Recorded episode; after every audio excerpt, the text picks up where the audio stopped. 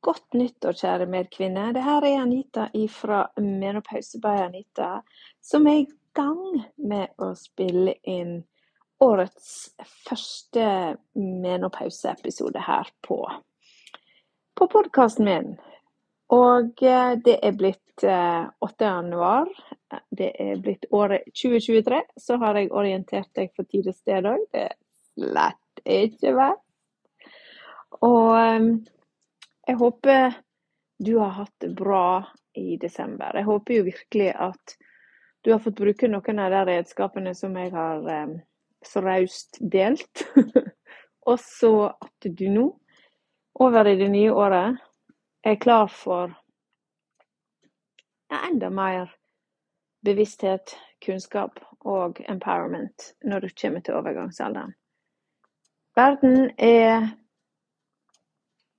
full av eh, høye strømutgifter, eh, dårlig vær skulle si, En del eh, utfordringer på rettferdighet i verden. Og det er ikke nødvendigvis lett å være verken menneske, kvinne eller i overgangsalderen. sånn, alt putta i ett. Jeg har plassert meg foran peisen i um, Ekornes sin eh, retrostol, som jeg er superglad i, men som nå skal på finn.no. For jeg, jeg, har ikke plass til mer. OK, det var en digresjon. Poenget er at det er kaldt. Det er, jeg trenger å sitte foran peisen.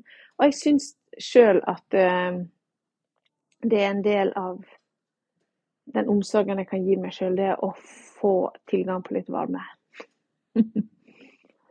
og eh, jeg har jo da um, Sånn som jeg bruker å gjøre på podkastene mine, egentlig ikke noe sånn uh, voldsom agenda.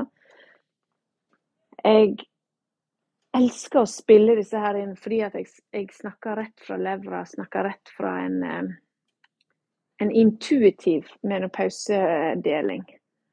Og, og det er til din fordel. Det betyr ikke at jeg er strukturløs. Å nei da, det må du ikke tro. Fordi uh, jeg har så utrolig mye kunnskap som er oppi hjernen min om overgangsalderen, at jeg har en helt egen kategori.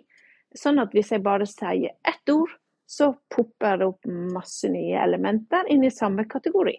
Så det er struktur på det hele. Hjernen min er blitt en, et, et leksikon. så hvis du bare sier en bokstav, så er jeg i gang. Og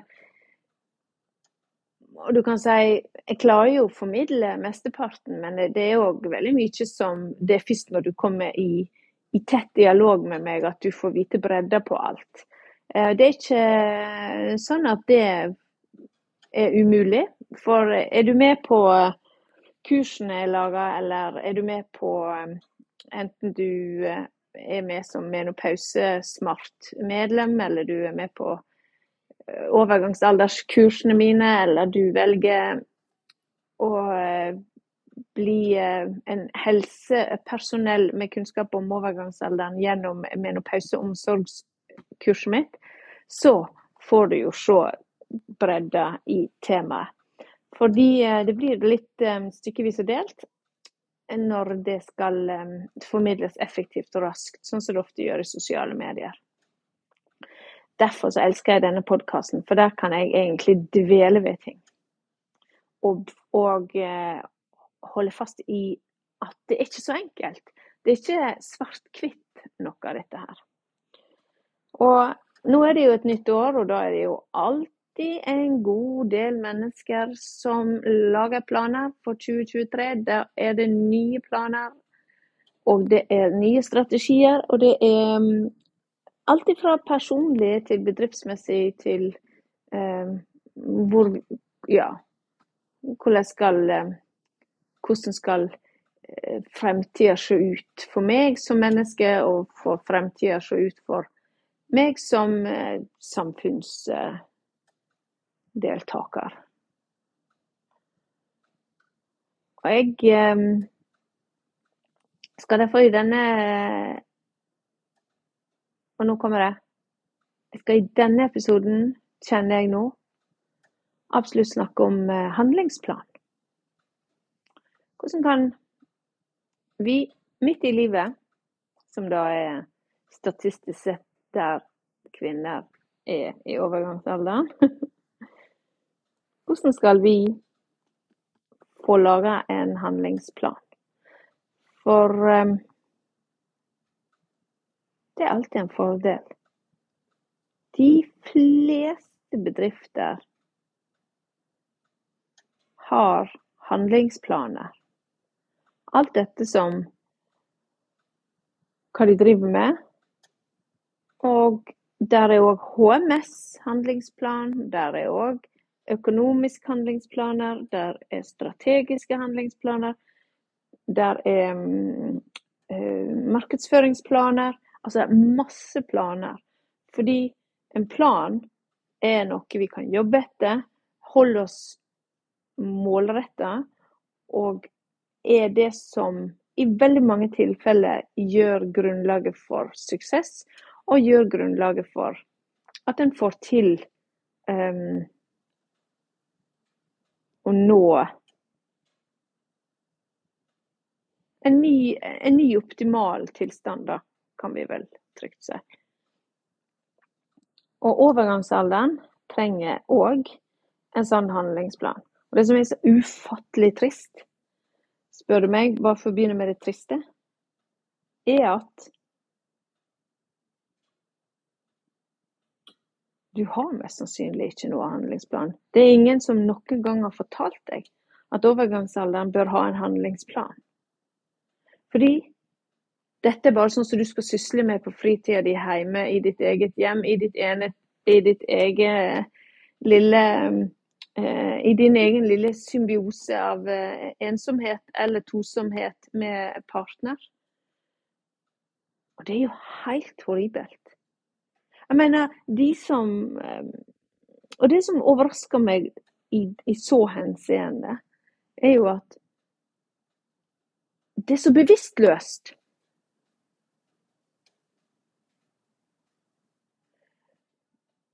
Vi har eh, Hvis du i alle andre sammenhenger så har vi på en måte planer, og vi har struktur, og vi har eh, måter vi angriper situasjonen på, også innen helse. Så hvis du eh, Og nå tenker jeg kvinnehelse, sant. Altså Når du skal eh, når du kommer i et partnerskap, så begynner man å tenke vi må legge en plan for om vi vil ha barn. Ok, Da legger vi en plan for OK, selvfølgelig, ting skjer jo på impuls, jeg er klar over det, og på arbeidsuhell og sånn. Men det er jo allikevel sånn at veldig mange planlegger til en viss grad hva slags fase de skal inn i nå. Det er ikke sikkert de lykkes, ikke sikkert det blir sånn som en hadde tenkt, men en legger jo for så vidt en plan. En planlegger å flytte sammen, en planlegger å gifte seg, en planlegger å stifte familie, en planlegger hvordan en skal gjøre Og når man blir gravid, så følger man rett inn i en plan som heter svangerskapsomsorgen. Når den begynner å nærme seg slutten, så blir man puttet inn i en plan om fødselsomsorgen osv. osv. Så, videre.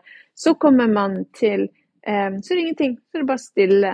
Etter siste barnet ditt, du er ferdig med siste barselpermisjon, så skal du ut igjen i jobb hvis du er i jobb, og hvis ikke så skal du ut i noe annet. Og det er planen, og that's it. Helsemessig ingen mer plan. Så kan det jo hende hvis du blir syk, eller du, eller du kommer i et system der du skal møte helsevesenet, så er det en plan. Men for alt dette her som er friskt, men allikevel utfordrende, så er det altså ingen handlingsplan. Og dette her ble jo da en, en et langt argument for det faktum at jeg kan ikke forstå hvorfor vi ikke legger en plan for hvordan vi, dersom vi kan styre det vi kan, har lyst til å ha det i overgangsalderen. Altså en handlingsplan. Det nærmer seg. Hvordan har jeg lyst til å angripe det her? Hva gjør jeg hvis det viser seg at eh, må, det må sterkere skyts til? eller hvis utfordringene var større enn jeg hadde tenkt. Tenk da hvor mange kvinner som hvis de bare hadde hatt et bevisst forhold til at overgangsalderen skjer alle, det skjer dermed også meg, og jeg ønsker å ta i bruk disse her strategiene. Hva utrolig mange kvinner som kunne gått inn i overgangsalderen med en større trygghet, større ro, ikke frykta det og ikke er blitt overvelda av at jeg visste ikke at dette kunne skje. Så jeg, holdt, jeg har holdt foredrag på foredrag, kurs på kurs. Og det som går igjen, det er at hadde jeg bare visst dette før Og det er riktig, det. Hadde folk bare visst det her før, så hadde de angrepet det litt annerledes. Så hvorfor er det så vanskelig? Hvorfor er dette i 2023, da, en helt ekstremt Jeg tror jeg er den første som nevner det her for deg. Men vi vet alle andre at planer, det, det er en del av eh, livet. Men iallfall så tenker jo jeg da at eh,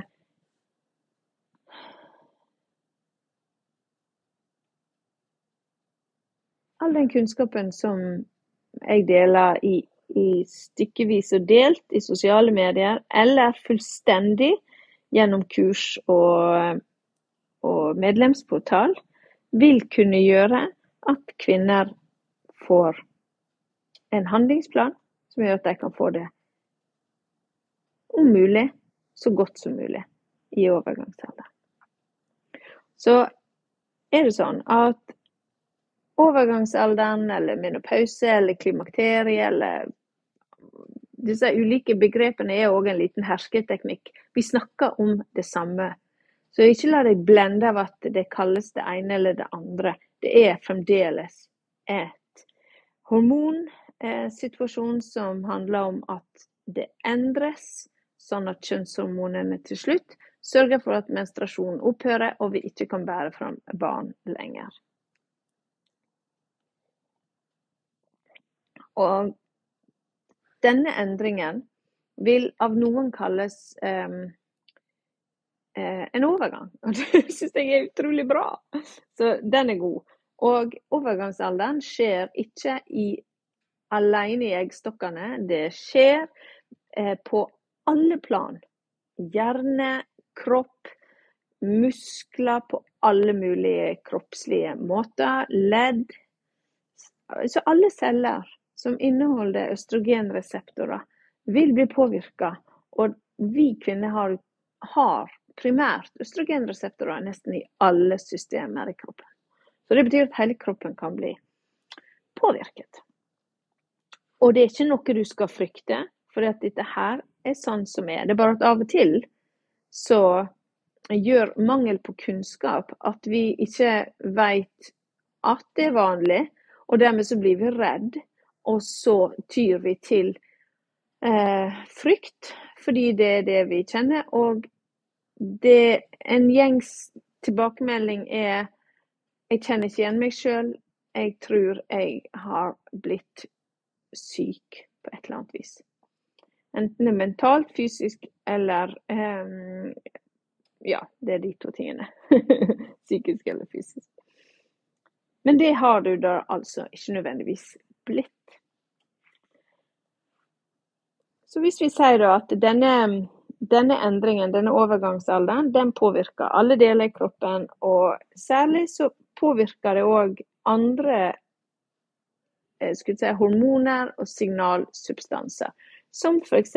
serotinin, dopamin og eh, GABA og andre ting som igjen gjør at en får økt uro, kanskje litt mer angst, Um, at en, alt knyter seg, at en blir trist og lei. Uh, mister sjøltilliten sin, mister sjølfølelsen sin. Um, ja, en blir mindre engasjert, mindre driv. En blir motløs på mange ting, men ikke helt sånn. Og, og, og kanskje får vi litt sånn Vi overtenker ting. Så det er liksom en del av denne her hjernestrukturendringen som ikke er nødvendigvis permanent, eller som nødvendigvis er så særlig stor problem, men kanskje han er det for noen i større grad enn for andre. Og så er det da at alt dette her påvirker òg søvnen, og søvnen blir igjen eh, Kan òg få skylda for masse av dette her, fordi at vi sover dårligere, men vi, vi, vi vet ikke hvordan vi skal håndtere det. Og det er ikke en egen søvnmangel er ikke en egenskap ved deg. Så dette er ikke en Det er mange som tror nemlig det at når de får, eh, synes det er vanskeligere i livet, så, og, og, de sover dårligere, så er det fordi de ikke driver livet sitt godt nok, eller de ikke er, er gode nok, flinke nok, er dyktige nok, trener ikke nok. Altså, vet hva? Vi driver altså så mye sjølpisking at eh, hadde det vært en, eh, en idrettsgrein, så tror jeg vi hadde Kvinner hadde vært absolutt regjerende. Og så, så, da vi tatt tak i søvnen, for det søvn det må vi ha, det må alltid nevnes i den eh, sammenhengen her. Så handlingsplaner handler da om å få en struktur på de overordnede punktene som vi vet påvirker fysisk og psykisk helse i overgangsalderen. For der er ting du kan gjøre. Og da er det og da er nummer én i min verden at du prioriterer å få det bedre. Du må bestemme deg, da. Skal jeg gjøre noe med dette her, eller skal det, eller skal det bare suse og gå?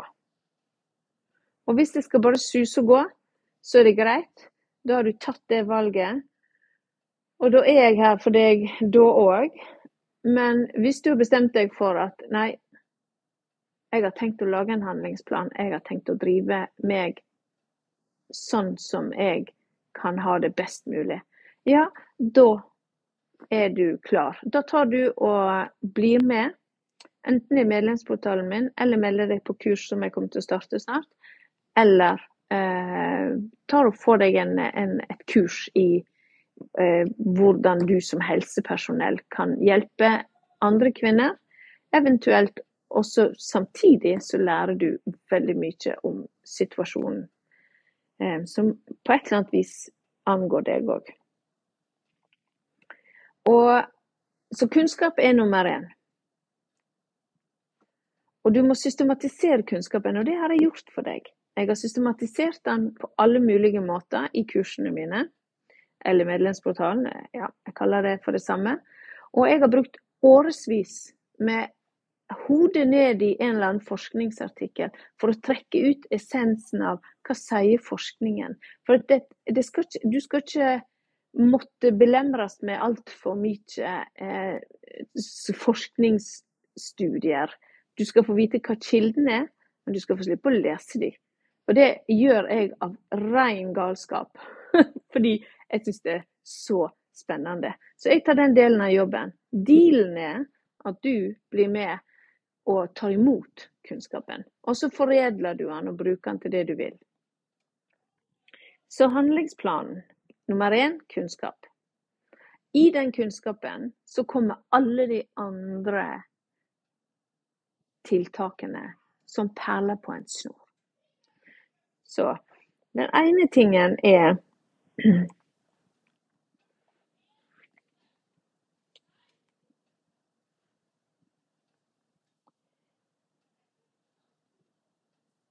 Den ene tingen er det som jeg jeg skal, jeg skal egentlig begynne med det som jeg sluttet 2022 med.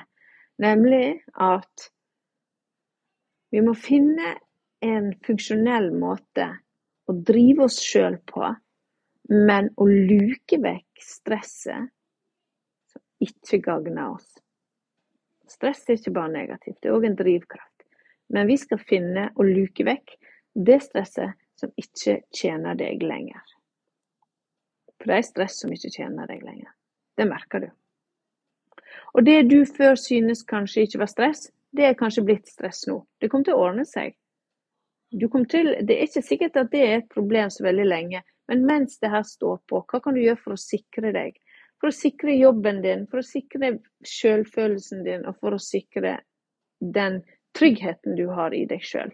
Jo, da må du bli knallhard god på å kunne Hva skjer her nå i min kropp? Det er ikke min feil. Jeg må håndtere det her. Og Anita hun hjelper meg til å se på stresshåndteringen min.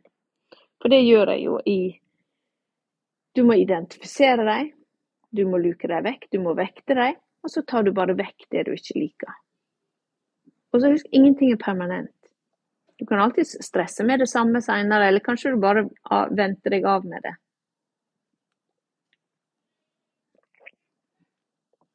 Og du kan, i det her med stresshåndtering, og det er jo en av mine favorittmoduler i kursene mine, så er det jo rett og slett hvordan kan du forenkle?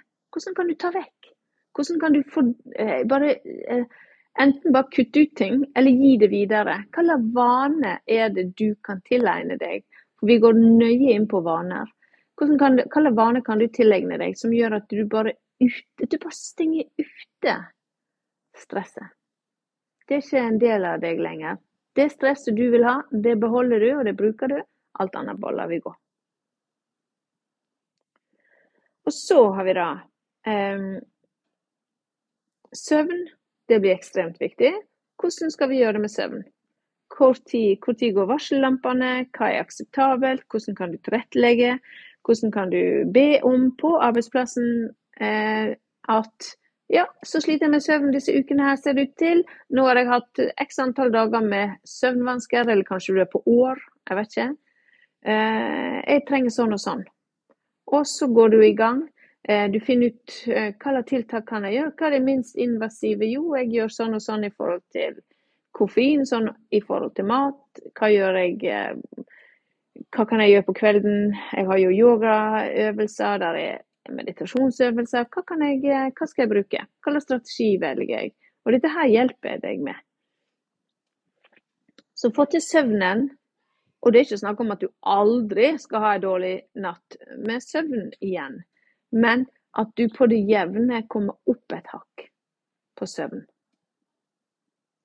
Og jeg roter litt rundt i det her med søvn du, når du blir med på, eh, på disse her medlemsportalen eller kurset. Fordi at det, det, jeg, roter litt rundt i det. For kanskje sover du bedre enn du tror. Det er bare at det er en del ting som du må ta tak i og omdefinere.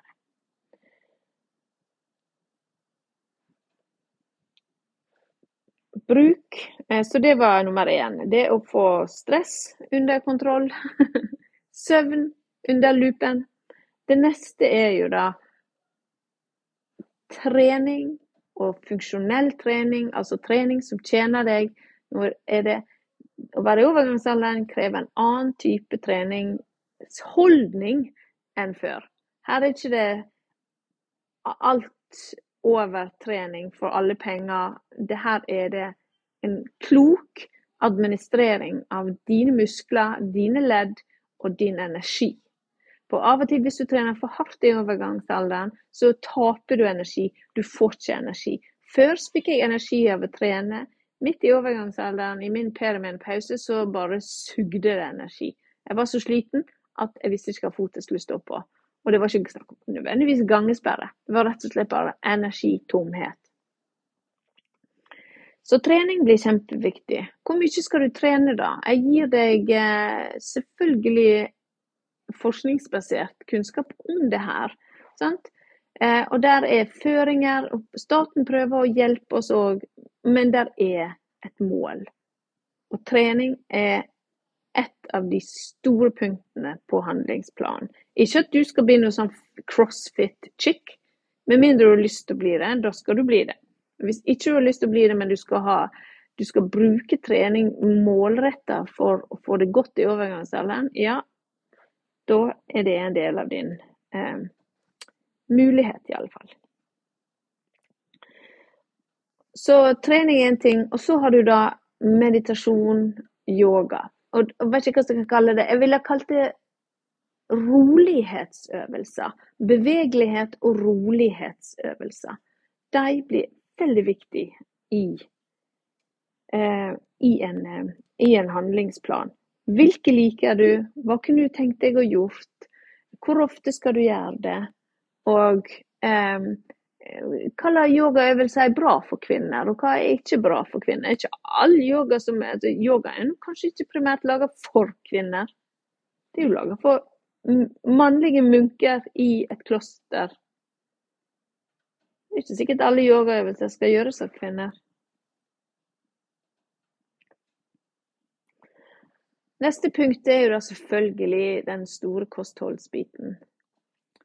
Og jeg ser jo stadig sånne her ja, Derfor legger du på deg i overgangsalder. Sånne her Altså, det er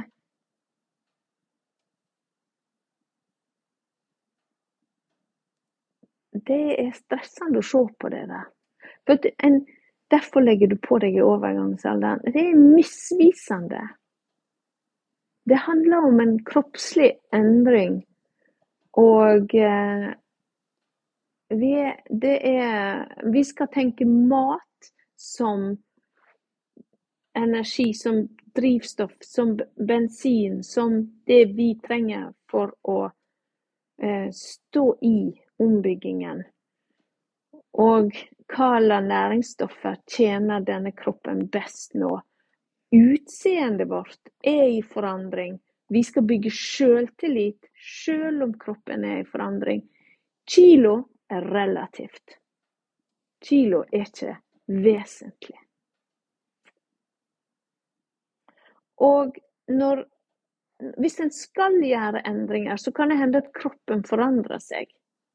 Og det i seg sjøl kan gi visse fordeler. Så jeg sier ikke at vektnedgang ikke kan tjene deg hvis det er det som er det som plager deg mest, men da er det hvordan du gjør det. Da er ikke det, eh, er ikke det nødvendigvis at det eh, er noe du skal lide. Det er nok lidelse, det er nok stress. Det er rett og slett stress for kroppen å skulle slanke seg.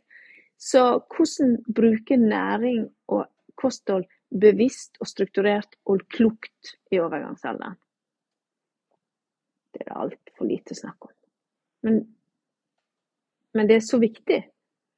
Så kosthold, eh, og det bruker jeg å si på disse kursene, dette, dette er ikke noen slankekurs. Men du kommer til å oppdage at du kan gjøre endringer på kostholdet som har stor betydning for helsa di og trivselen.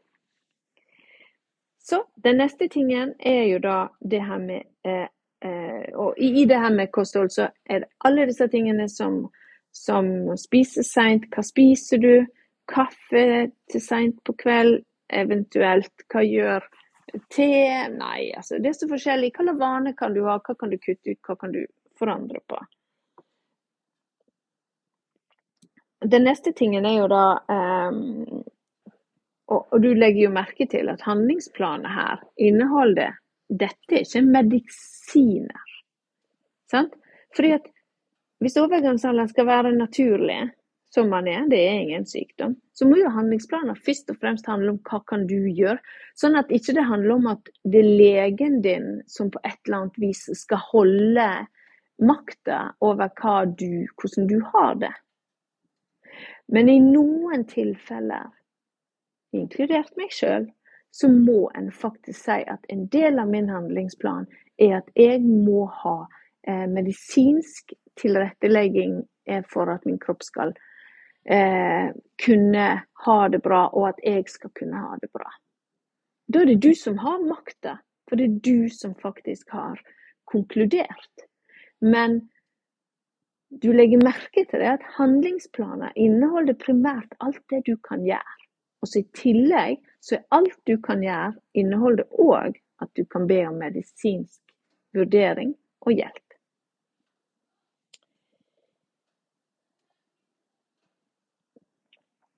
Og så er det da Når vi først liksom inne på medisinske, så får jeg fryktelig lyst til å ta alt som er ikke-medisinsk. For alternativer uten medisinsk innhold, de har jeg satt meg kraftig inn i og deler så mye jeg kan.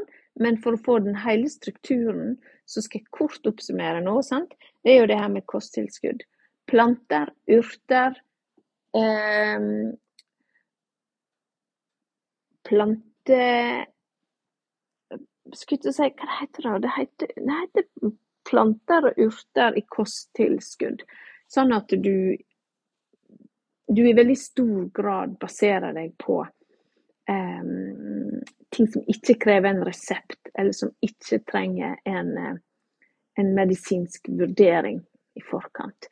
Det kan være vitaminer, det kan være uh, sporstoffer, og da altså uh, disse her urter og uh, planter. Og selv om og selv om det ikke nødvendigvis eh, er forskningsmessig belegg at det har effekt utover placebo, så kan det jo hende at det virker veldig godt for deg. Så du er klar over det. Og så har du en annen liten handlingsplan, og det er jo da Er det noe du ikke har prøvd ennå? Hva hvis det, jeg, ikke, jeg er ikke kommet der ennå?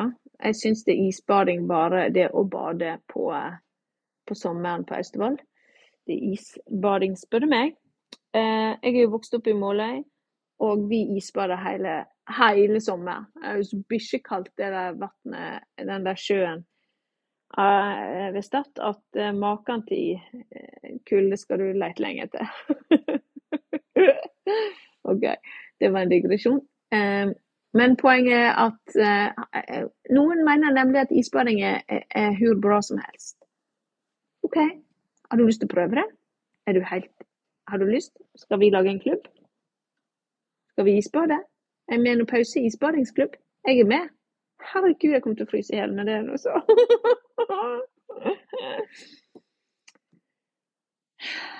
Det var en veldig god idé når jeg tenker meg om. OK, så jeg skulle ikke være idémyldring, dette her. Det skulle være en podkast til deg om handlingsplan. Men du skjønner, er det noe du har lyst til å gjøre som du ikke har tenkt ut ennå? Sant? Ett punkt der på handlingsplanen. Hva har jeg lyst til å prøve? Hva, hva mer kan man finne på? Jo, har du lyst til å um, danse samba? Har du lyst til å begynne å danse tango? Har du lyst til å begynne å strikke? Strikke? Vær med i en eh, menopause, strikke, strikke eller hekle arena. Eh, jeg har jo snakka med Amanda Sleep, som er en sånn um, veldig viktig, stor eh, stor med, med, det som mener jeg fantastisk. eh, Engelsk-kanadisk kvinne som jeg samarbeider med, og vi har hatt en, en sånn drodling rundt det her med vi skulle ikke ha laga en, og så har vi gjort det, da. Men vi skal bare få, få den i gang. Eh, og det jeg snakker om, er å få til en, en eh, Mange kvinner bruker eh, ull, altså hekling eller strikking, som en metode på å stresse ned få ned blodtrykket, metime, tenke på noe annet, bare få lov å sitte og jobbe kreativt uten å bruke for mye eh, energi. og, og, det har vi tenkt å, å, støtte opp under så godt vi kan. Ja. Men du, da var handlingsplanen vår eh, gjennomgått. Eh, du kan trekke ut det du vil, og bruke dette her. Igjen jeg ønsker å være med, jeg ønsker å bidra. Og jeg satt her en dag og skulle, jeg skulle klargjøre Jeg skulle klargjøre hvorvidt jeg eh, Hva har jeg gjort i 2022? Jeg skulle se litt på om jeg skulle lage en sånn her oversikt, sånn at jeg hadde eh, sjøl klar over hvor mye jeg har jobbet med. Og fikk helt paddesjokk skal du høre litt av alt jeg har gjort. og så kan du jo tenke på Anita, da. Eh, driver du med sånn her eh, hente deg inn i en arbeid? Og det gjør jeg, da. For jeg får altså så energi av å jobbe med dette her, så det er helt utrolig. Så i år så har jeg altså hatt foredrag eh, to ganger på eh, Sanitetsforening.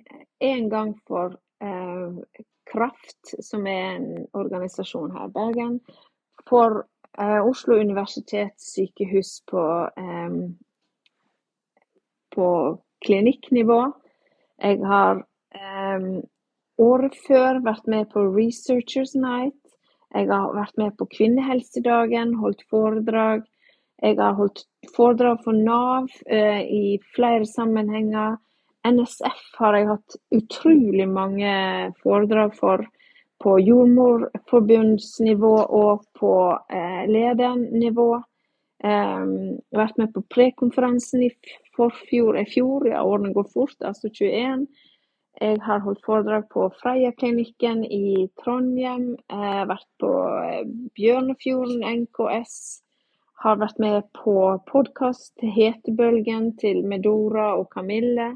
Vært med på Friskere viten sin podkast. Vært med på Femihelse sin podkast, på Kvinnehelseutvalget. Vært med på Aldring og helse. Holdt foredrag på Arendalsuka vært med på eh, debatter i forhold til um, i forhold til kvinnehelse på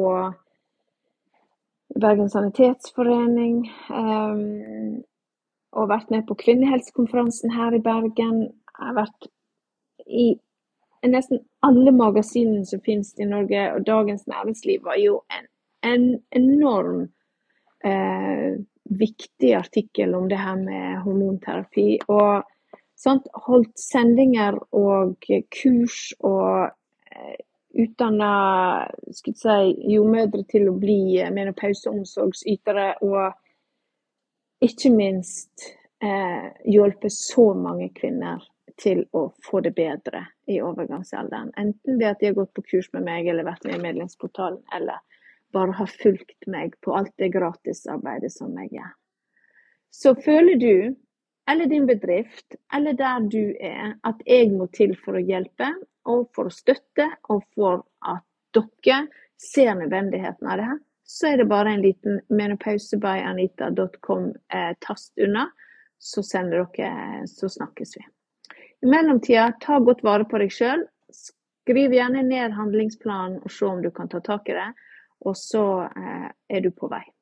Så det var første podkasten. Det var en handlingsfull podkastepisode. Så vi høres. Ha det.